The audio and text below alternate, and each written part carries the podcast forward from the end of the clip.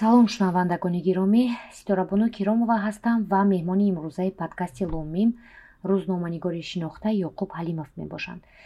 Аслан суҳбати имрӯзаи мо бояд дар бораи хоҳиши шаҳрдорӣ вобаста ба тахриб ва бозсозии осорхонаи садриддин айнӣ мебуд. Аммо хушбахтона масъалаи мазкур пеш аз сабти барномаи мо роҳи ҳалли худро ёфт. Яъне пас аз муроҷиатҳои зиёди зиёиёну шаҳрвандон хулоса шуд ки хонамузеи айнӣ ба ҷое кӯчонида намешавад.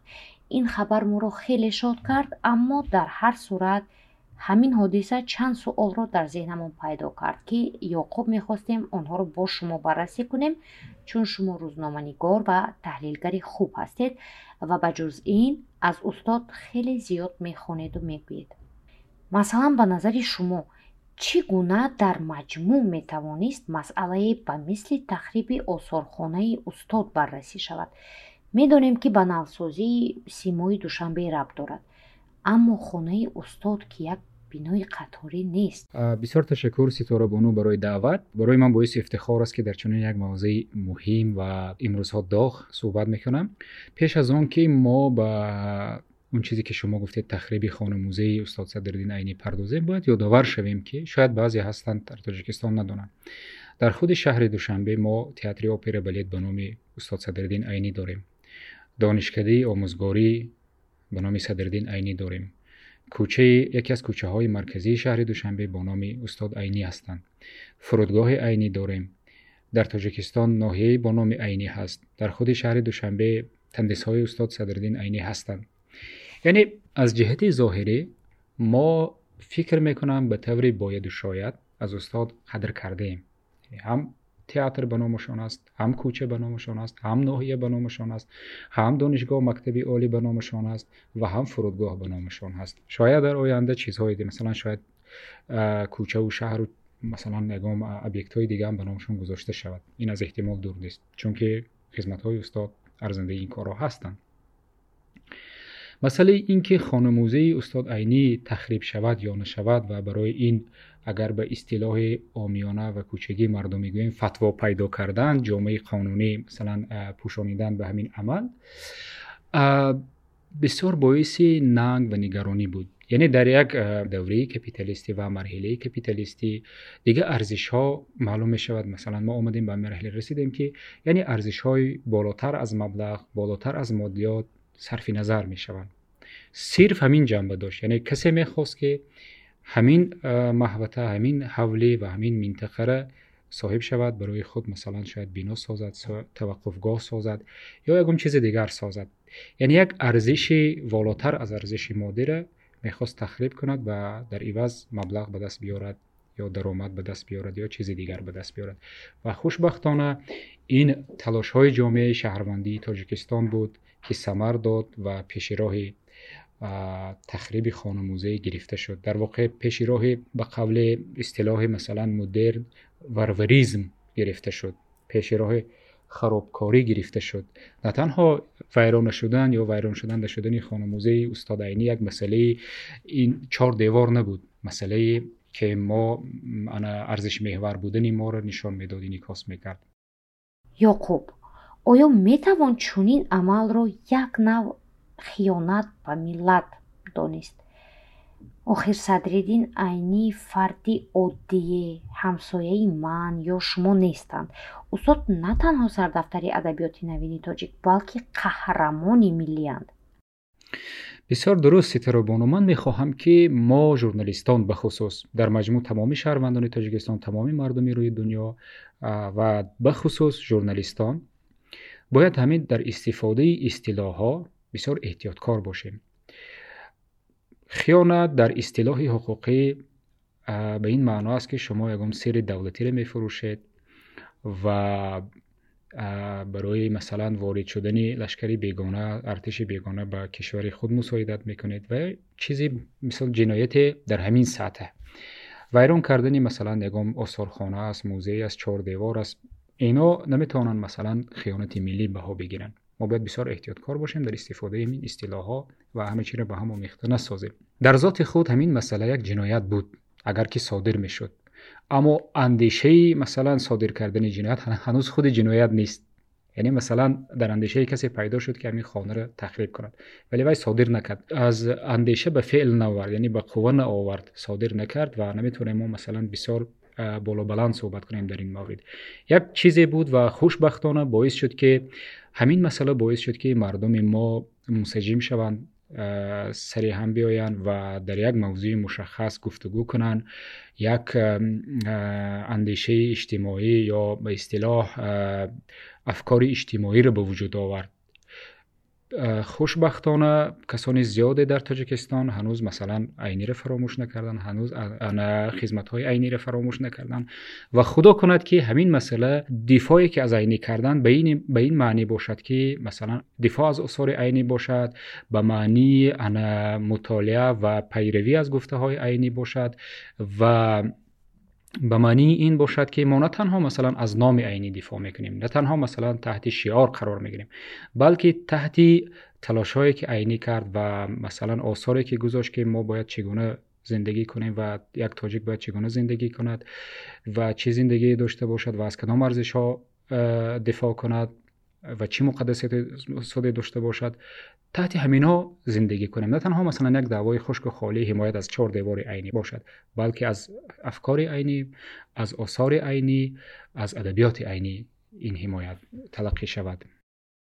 Дар воқеъ шумо аҳамият додед ки касе аз миёни зиёиёни мансабдор вақти мавқеъ ва фикрашон воқеан зарур буд дар ин бора садо баланд накард. Ҳар касе гуфт соҳибмансаб набуд ба фикри шумо ба чӣ рабт дорад?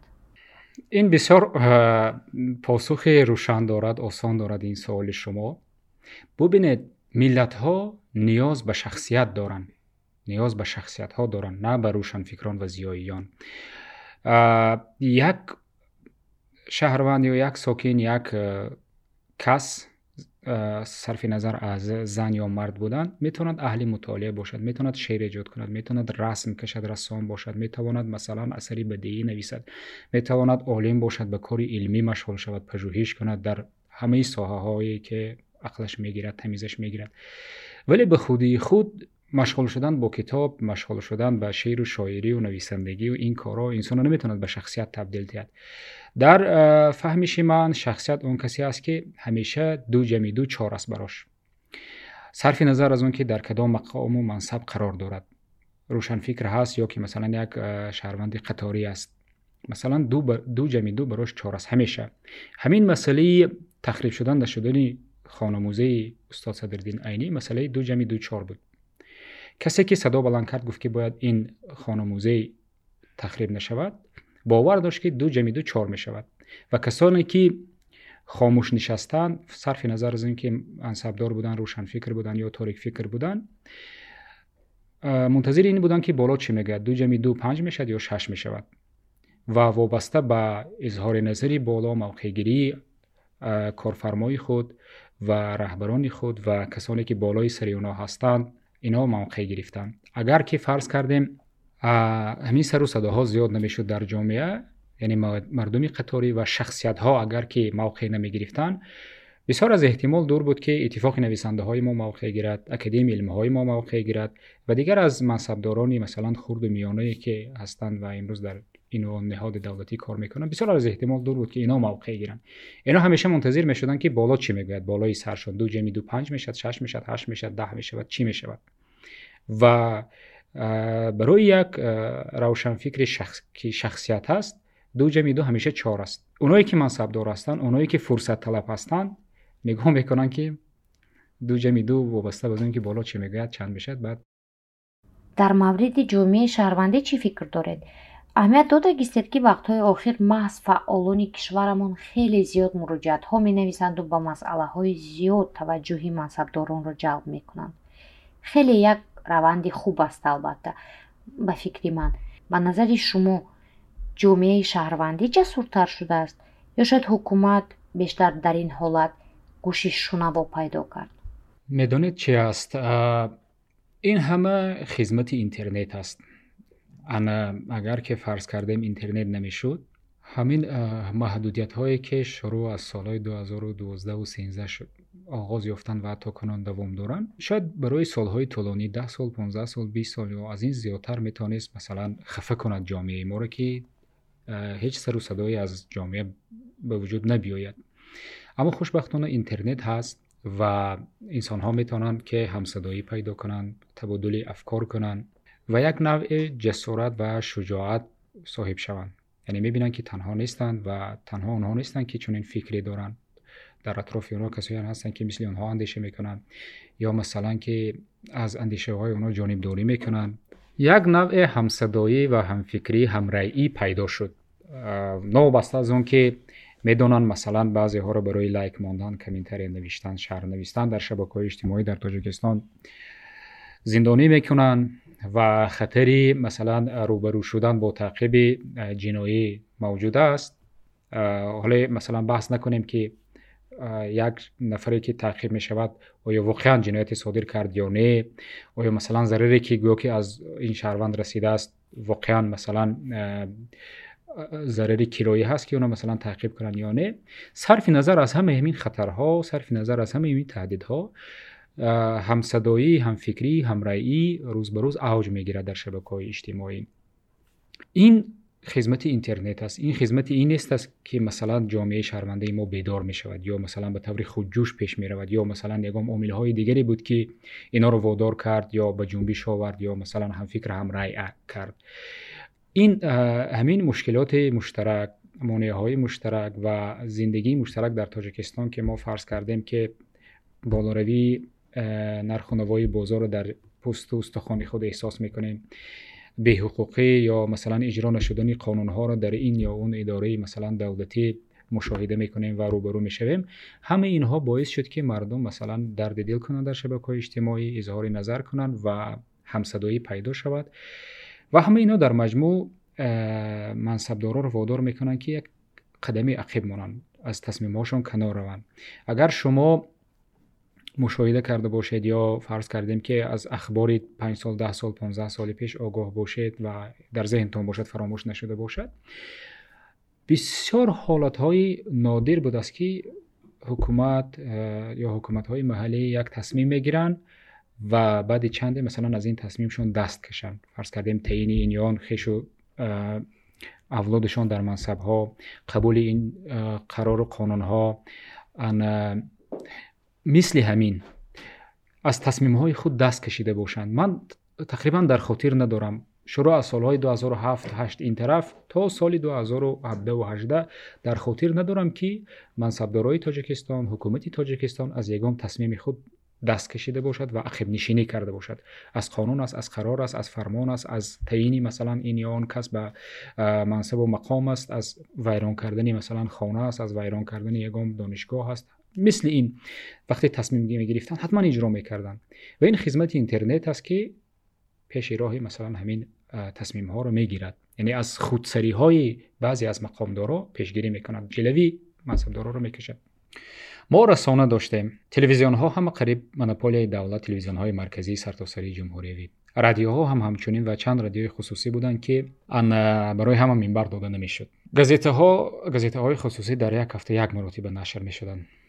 و اینترنت در سراسر تاجیکستان دسترس نبود. منظور این که مثلا ساکنان از سراسر تاجیکستان به اینترنت دسترسی نداشتند. در شهر دوشنبه عموما در تاجیکستان مردم از تلفن های استفاده می‌کردن که با اونا نمی‌شد از اینترنت کار گرفت. روز به روز نزدیک شدن اینترنت به مردم و ارزانتر شدن نرخ سمارت فون ها امکانیت می‌دهد که مردمی بیشتر به اینترنت دسترسی یابند و از جهانی بیرون از کوچه خود بیرون از خانه خود ناحیه خود آگاهی پیدا کنند و همین چیز باعث شد که جامعه شهروندی حالا مثلا در تعریف همین مفهوم من دشواری می‌کشم. مثلا آیا در تاجیکستان جامعه شهروندی شکل گرفته است یا نیست؟ مثلا ما بعضی عنصرهاش می‌بینیم اما با باوری گفته نمی‌تونیم که جامعه شهروندی در تاجیکستان رشد یافته است تقویت یافته است و تا حد مثلا نفوذ دارد که می‌تواند از خودسری های مقامداران جلوگیری کند. ما بعضی اون سراش می‌بینیم. نه همه مثلا پارامترهای جامعه شهروندی رو در تاجیکستان. همین چیز باعث شده است که به گوش مقامات رسند و مقامات هم یک نوع فکر جامعه شهر ملاحظه جامعه شهروندی رو کرده از جامعه تاجیکستان عموما کرده از تصمیم های خود خب نشینی می‌کنن. هرچند که بر فایده آنها نیست. اگر که همین حالت فرض کردیم که تصمیمی ویران کردن خانموزه استاد صدرالدین عینی در سالهای 2012 13 می شد با راحتی و بدون هیچ مانعی به هدف خود می رسیدن می توانستند خراب کنند. شاید یک دو شاعر نویسنده در گزیت چیزی می گفت با همین خب و خاموش می شد می رفتید مثلا. مراجعت جامعه شهروندی به شهرداری اوید به تخریب اصولخانه استاد منطقا درست بود. Чунки кӯчонидани хонамӯзаи аслан идеяи шаҳрдорӣ буд.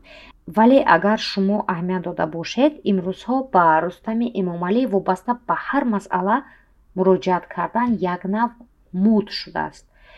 Дигар ҳама чиз аз тариқи шаҳрдорӣ ҳал карда мешавад. Таҷовузу кушта шудани тифлон масалан ё баҳси хонабудагии як оила.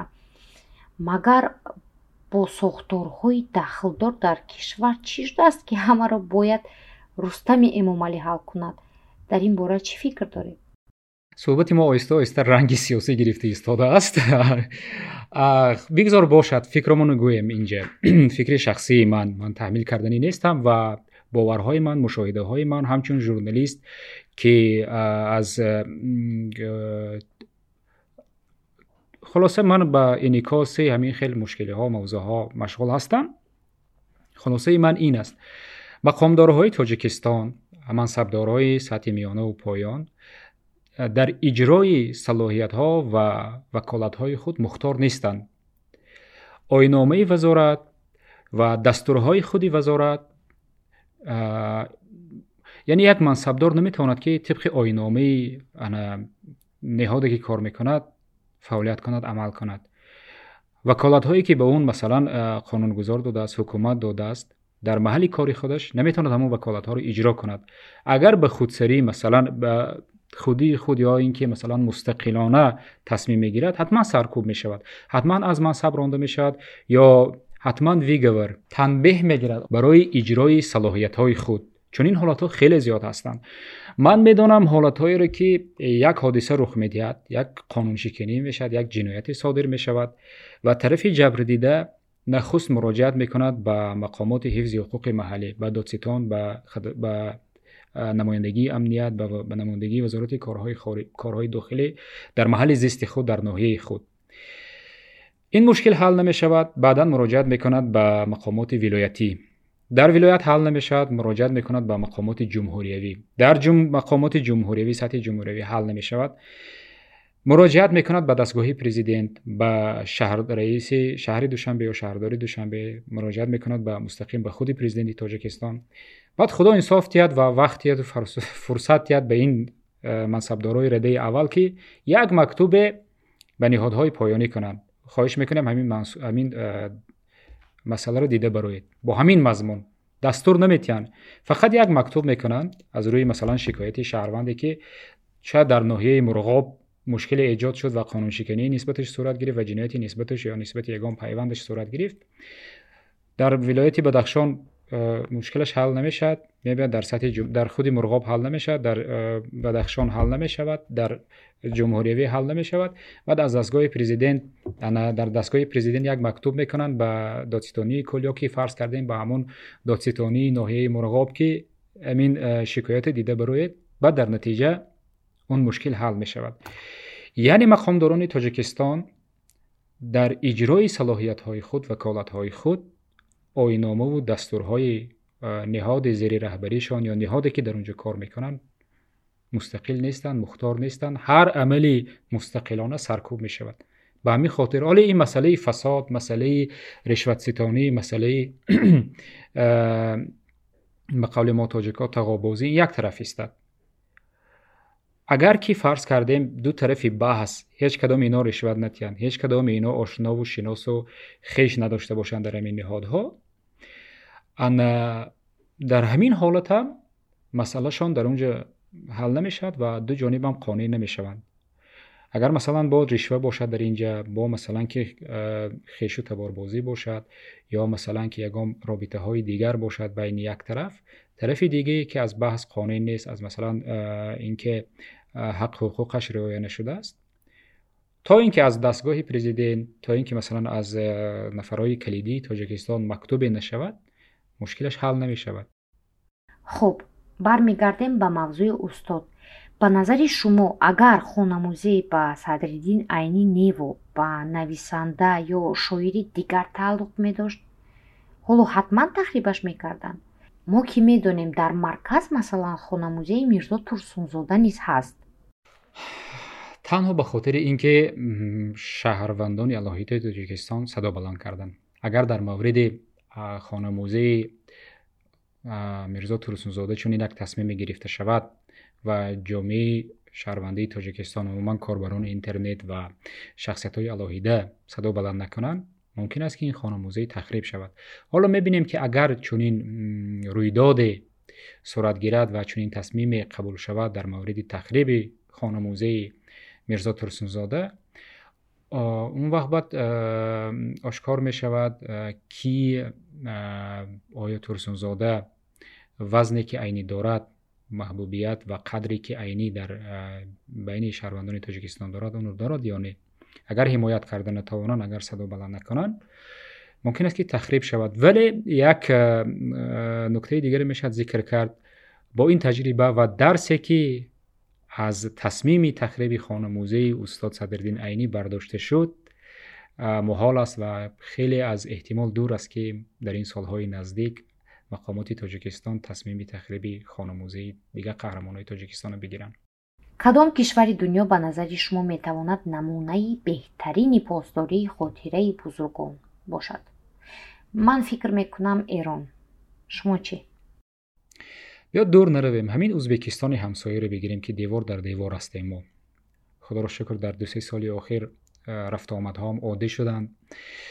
ببینید در خودی مثلا شهر تاشکند کوچه ای هست با نام فطرت. خب فطرت برای تاجیکان شاید در سالهای 23 خدمت خوبی نکرد. اما تا سال مثلا 1920 کتاب های زیاد نوشت و صدردین عینی اقرار می شود که فکری مردمی بخارا را ساکنانی بخارای اون روزه همین اثرهای فطرت باز کرد. چندین کتابی که نشر کرد مثلا خانداری و یا وظایف آیله یا وظایف خانداری و دیگر اثرهایی که نوشت اینا باعث شدن که مردمی بخارای شریف از دور و برش آگاهی پیدا کند از شکست و ریخت خود آگاهی پیدا کند و یک نوع به اصلاح زندگی خود تلاش ورزد. با زبان تاجیکی نوشته است خدمتش برای مثلا مردم تاجیک خدمتی تا سال 1920 کم نیست. ما قدرش ندونستیم هرچند که از خزم... از کارهای آینده اون مثلا بعدی اون اونقدر دلی خوش نداریم. ولی در هر صورت خدمت کرده است برای مردم توجه. کتاب نوشته است در بیداری فکری مردم سهم گذاشته است. در ما هیچ کوچه با نام وی نیست در خود شهر تاشکند هست در سمرقند و بخارا شما هم خودتان رفتید من می‌دانم توسط شبکه های اجتماعی که خیلی سیر و سیاحت کردید آثار خانه ها و خانه های قدیمی همه اینا حفظ شدند در خود مثلا مرکزی بخارا خانه هایی که مثلا 100 سال 200 سال پیش ساخته شدن همه حالا اینکه خانه های مثلا شخصیت های مشهور نیست یک خانه عادی است اما به خاطر حفظی محیط حفظ آثار تاریخی تخریب نکردن این خانه ها را نمونه ای عبرت می‌تواند برای ما ازبکستان دیوار در دیوار ما شود. ما چرا مثلا تا ایران رویم؟ چرا مثلا تا کشورهای دیگر رویم؟ تا اروپا رویم؟ تا اونجا رویم که نمونه بیاریم. نمونه همین بخار همین سمرقند و بخارای خودمان است. با خیوه هست که مثلا اون آثار تخریب نکردن نگه داشتن. ساختن شهر نو یا ساختن بناهای نو ضرور نیست که حتما در جای بینای کهنه باشد. ضرور نیست که حتما در مرکز شهری که وجود دارد و بنا هست و مثلا شرشره هست و مثلا درخت هست گیاه هست گلگشت هست شهر نیست که در اونجا باشد. در کناره می‌تواند از شهر بیرونتر می‌تواند باشد. به همین خاطر می می‌تواند ازبکستان برای ما نمونه عبرت باشد و ما خدا کند که дар ҳифзи осори боқимонда аз ӯзбекистон пайравӣ кунед. Ҳатто ман масалан аз шубҳа дорам ки оё чизе мондааст ё намондааст аз биноҳои панҷоҳу шасту ҳафтод соли гузашта дар шаҳри душанбе. Ва дар интиҳои суҳбат мехоҳам барои нафароне ки айниро танҳо ҳамчун сардафтари адабиёти навини тоҷик мешиносанду. Халос бигӯед ки чаро ёди устод беш аз ҳар касу ҳар чиз бояд пос дошта шавад. Хуб صدردین عینی یکی از شخصیت های گیرامی تاجیکان است. ما به از عینی در تاریخ 100 سال پیشمان شخصیت های بزرگتری دیگری داشتیم. اما عینی زندگیش تا سال 1920 ختم نشد. بعد از اونم ادامه پیدا کرد. خوب، عینی یک شاعر بود. عینی یک نویسنده بود. عینی یک اصلاحگر اصلاحاتگر اصلاحاتخواه و اصلاحاتگر بود. نه تنها که می‌خواست اصلاحات بلکه اقدام کرده بود برای اصلاح وضع امروزی بخارا. عینی کسی است که برای بقای تاجیکان و تاجیکستان خدمت کرده است. عینی کسی است که با شعرش бо насраш бо корҳои илмияш барои мо ватан хостааст барои мо ҳудуд хостааст ва ба ин чиз ноил سخنهای مثلا جذاب و شیرین دیگر در به خاطر پاسداری و به خاطر گرامی داشت عینی می‌توان گفت. اما من می‌خواهم که به شخصیت و روزگار عینی تا سال 1918 کمی توقف کنیم. شاید همین صحبت شما بعد از شنیدن پادکستی که چند پیشتر در یوتیوب نشر شد همین فکر پیدا شده باشد و تصمیم شما بعد از اون نشر شده باشد، گرفته شده باشد درباره کتاب عینی با نام تاریخ انقلاب بخارا. این کتاب مثلا با دو نام نشر شده است تا امروز تاریخ انقلاب فکری در بخارا و تاریخ انقلاب بخارا. این مضمون هر دو کتاب یک است تنها نامش عنوان کتاب فرق می‌کند. این از آن وابسته است که تاریخ انقلاب بخارا از زبان ازبکی برگردان شده است به تاجیکی و تاریخ انقلاب فکری در بخارا از اصلی خطی فارسی عینی مثلا خطگردان شده است از فارسی به سریلیک برگردان شده است و در سال 2005 اگر اشتباه نکنم در سال 2005 بوری اول در تاجیکستان نشر شد و تاریخ انقلاب بخارا در سال 1987 بوری اول نشر شد. аз сӯи раҳим ҳошим аз ӯзбекӣ баргардон ва ба тоҷикӣ нашр шуд хуб айнӣ дар ин китоб нақл меяне шахсияти худи айнӣ чӣ гуна шакл гирифт яъне ба як шахсият табдил шуд ҳамон тавре ки дар оғози суҳбат гуфтем ду ҷамъи ду чор буд барош дар соли 1908 вақте ба самарқанд меравад ҳамроҳи дусе нафар аз дӯстони худ унҷо мебинад ки масалан бачаҳо بچه های خور به مکتب تیپی نو می روان، مکتبی با نام شکوری و خیلی دانشمند هستند. یعنی در همون دو سه سال تحصیل خیلی از دانش ها و سواد اون روزه را کسب کردن از جمله خواندن و نوشتن و مثلا دانستنی بعضی از معلومات عمومی درباره دنیا و تاریخ دنیا تاریخ اسلام این چیزها آگاه هستند. در تعجب میمونن که مثلا این شخصیت هایی که 15 سال 18 سال مدرسه خوندن در سالهای شاید آخری مدرسه خانی اون معلومات کسب کرده بودن گرفته بودن. اما این بچه ها در یک دو سال تحصیل مکتب میانه که مکتب میانه اون روز صاحب شدن اون معلومات. بعد اومده در فکری تشکیل همین خیلی مکتبای نو شدن و خواستن که نمونه سمرقند به بخارا بیارن و بچه های بخارا هم تعلیم تیان تا اینکه مثلا دانش آموی شود همه دسترسی پیدا کنند و کسب دانش بسیار آسان شود. خب عینی بسیار فکر می‌کرد بعد از مطالعه کتاب احمد دانش نوادر الوقایع احمد دانش و سفرنامه ابراهیم بیک مراغی فکر می‌کرد که حادثه هایی که در گرد اطرافیان رخ می‌دهند زندگی که در اطراف وی هست یک زندگی ناسالم است. یک زندگی است که از دنیا مثلا کنده است انا قفا مانده است و پیشرفت و رشد و شکوفایی نیست در اون زندگی. طبق اطلاع محققان بخارای اون روز از تمدن دنیایی جدا شده بود. این چیزی که مثلا در اروپا میگذشت در ترکیه میگذشت در روسیه جریان می‌گرفت تا بخارا آمده نمی‌رسید.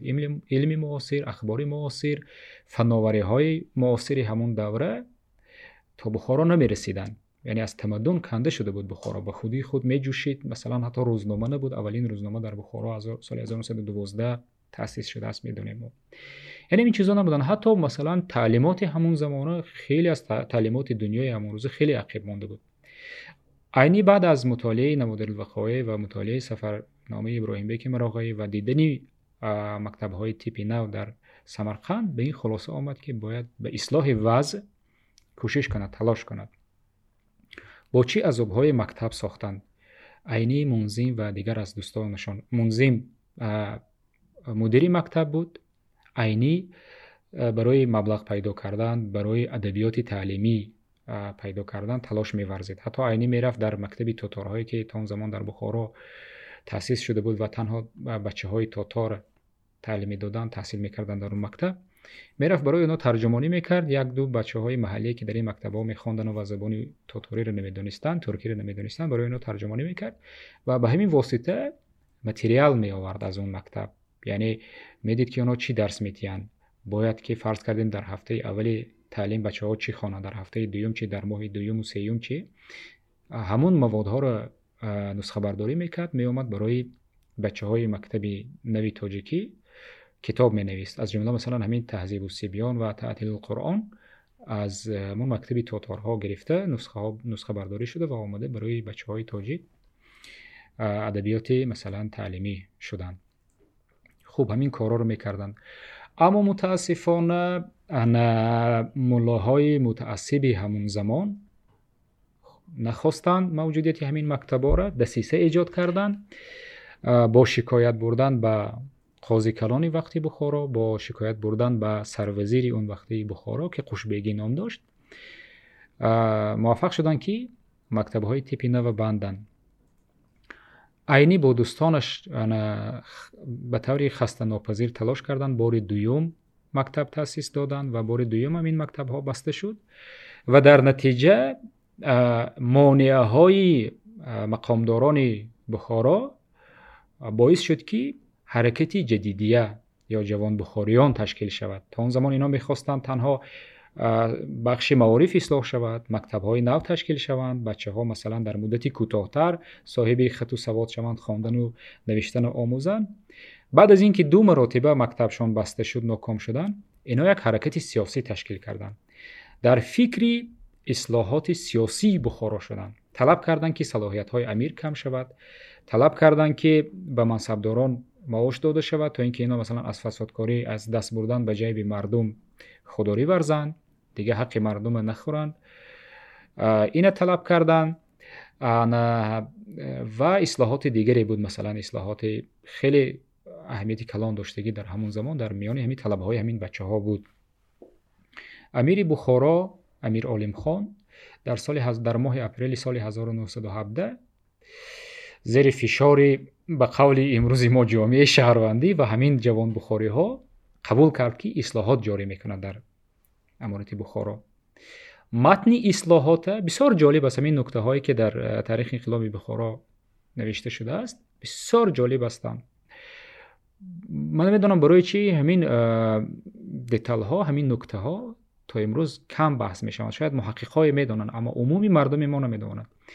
ҳамин матни ислоҳоте ки амири бухоро қабул кард дар сафоратхона ё элчихонаи россия таҳия шуд айнӣ мегӯяд ки матни фармони ислоҳоти амир олимхона сафорати россия навишт яъне амири бухоро салоҳият надошт ки худаш фармону қарор қабул кунад ҳатто масалан таъини ба истилоҳи имрӯзи мо раисони ноҳияҳо раисони вилоятҳои имрӯза با رازگی سفارت روسیه قبول می‌شد. خب همین متن اصلاحات انا سفارت نوشت و با خطاهای بسیار از کجا پیدا شد که مثلا این رشته سرنخی همین گپ یا سرنخی همین موضوع که این متن در کجا نوشته شده است از کجا پیدا شد؟ از اونجا پیدا شد که متن غلطی زیاد داشت. غلطی زیاد داشت و گفتن که این متن در الچیخانه روسیه تهیه کردن و به خاطر این متن اصلاحات فرمان اصلاحات غلط اشتباهی زیاد دارد. خوب یعنی مثلا جوان بخاری ها به همون نکته رسیدن که می‌خواستن یعنی زیر فشار اونها امارت بخارا مجبور شد فرمان اصلاحات قبول کند هرچند این اصلاحات عملی نشد و فاجعه های زیاد در پای داشت. پیشتر از این برگردیم انا таърихи пайдоиши аввалин нашрияи тоҷикӣ бухорои шариф ба ҳамин мавзӯъ мехоҳам баргардем ки дар худи китоби таърихи инқилоби бухоро бисёр босароҳат ва бисёр мушикофона ва бисёр дақиқ ё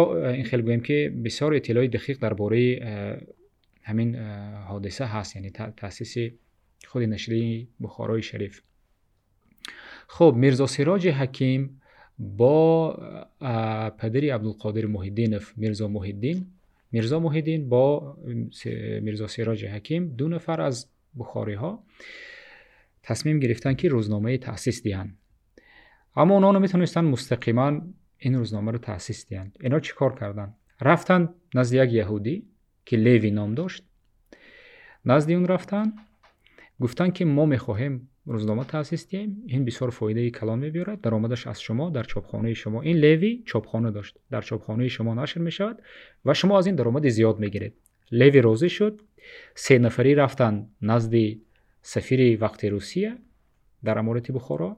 گفتن که ما یک روزنامه تاسیس میتیم این روزنامه برای پخت پروری و رسانیدن اخبار روسیه در بخارای شریف پهن کردن اخبار روسیه پادشاهی روسیه در حدودی بخاروی شریف کمک می‌کند. و یک مترجم در سفارت روسیه کار می‌کرد حیدر خواجه میربدالف. این ماندن مؤسس روزنامه سفیر روسیه به امیر بخارا نامه نوشت که همین گونه روزنامه یا گزیت نشر می شود و این برای پهن کردن اخبار روسیه در بخارای شریف مساعدت می کند و از جانب دیگر امیر بخارا هم نمی‌تونست اعتراض کند. قبول کردن؟ روزنامه تاجیک زبان با نام بخارای شریف نشر شد. یعنی با مساعدت یک یهودی با دستگیری سیاسی سفارت روسیه و با هدف های پراکنده کردن اخبار روسیه پادشاهی در حدود امارت بخارا. بعدی که این روزنامه نفوذ پیدا کرد مشتری زیاد پیدا کرد به قول امروز ما آبونچی زیاد پیدا کرد و از احوال امروزی بخارا تنقید می‌کرد امیر را تنقید می‌کردن حیات امروزی بخارا را تنقید می‌کردن که مردم عقب مانده هستند مکتب ها نیستند مردم در توی و معرکه هاشان صرف و خرج زیاد دارند. مردم برای بیدار شدن فکری خودشان و فرزنداشان و اهل بیتشان تلاش نمی‌کنند. این گپا بود. انا روسیه هم دید که اون چیزی که می‌خواست در این روزنامه نیست. بعد با یک فرمان می‌گفت که این روزنامه بسته شود. یعنی با دستور خودی سفیر روسیه کشاده شد روزنامه و با دستور سفیر بسته شد. همین گونه حادثه ها را عینی در این کتاب ذکر کرده است که بسیار اهمیت تاریخی دارد از جمله برای یک روزنامه نگار و برای یک روشنفکری که آن می‌خواهد از تاریخ خود آگاه باشد. مطالعه این کتاب که با دست عینی نوشته شده است بسیار اهمیت کلان دارد. Хуб. Баъде ки ин рӯзномаҳо баста шуд як муддат ҳаракати равшанфикрӣ кунд гардид. Яъне на мактаб буд на рӯзнома буд. Баъд дар натиҷа ҳамин ҳаракати ҷавонбухориён ҳаракати сиёсии ҷавонбухориён ташкил шуд ва афроде ки маблағи зиёд доштанд сарватманд буданд шомили ҳамин ҳаракат шуданд ана барои нашри китобҳо китобҳои масалан фитрат нашр мешуд ва ана осори дигар нашру паҳн мешуд. Дар бухоро ҳаракат мекарданд ки сафи рӯшанфикрон зиёдтар шавад ва як таҳаввулоти дигаргунии ислоҳоте дар бухоро сурат гирад. Айнӣ дар ҳамаи ҳамин корҳо шомил буд. Чӣ аз ҷиҳати молӣ ва чӣ аз ҷиҳати маънавӣ? Ҳам бо маблағ кӯмак мекард аъзоҳақӣ пардохт мекард дар ҳамин ҳаракат ва ҳам ин ки назар медод فکر می‌داد که چیکار کنیم که کارمان برار گیرد پیشرفت کند. عینی همین گونه یک شخصیت بود. یعنی در زمانی که امکان داشت کار کرده عینی قرار ننشستند و دست زیر دست گرفته. مثلا نگفتن که از دست من چیزی نمی بیاد. بلکه برای بهبودی وضع مردم اون روزی بخارای شریف تلاش کردند کوشش کردند. با وجود اینکه مثلا جانشان در خطر بود حیاتشان در خطر بود همین کارا رو انجام دادن. و در نتیجه 75 دوره خوردن چوب خوردن. خطری مثلا چون موجود بود. چندی از دوستان عینی مثلا که همین جزا رو گرفته بودن وفات کردند و عینی زنده موندند خوشبختانه و رفتند به سمرقند.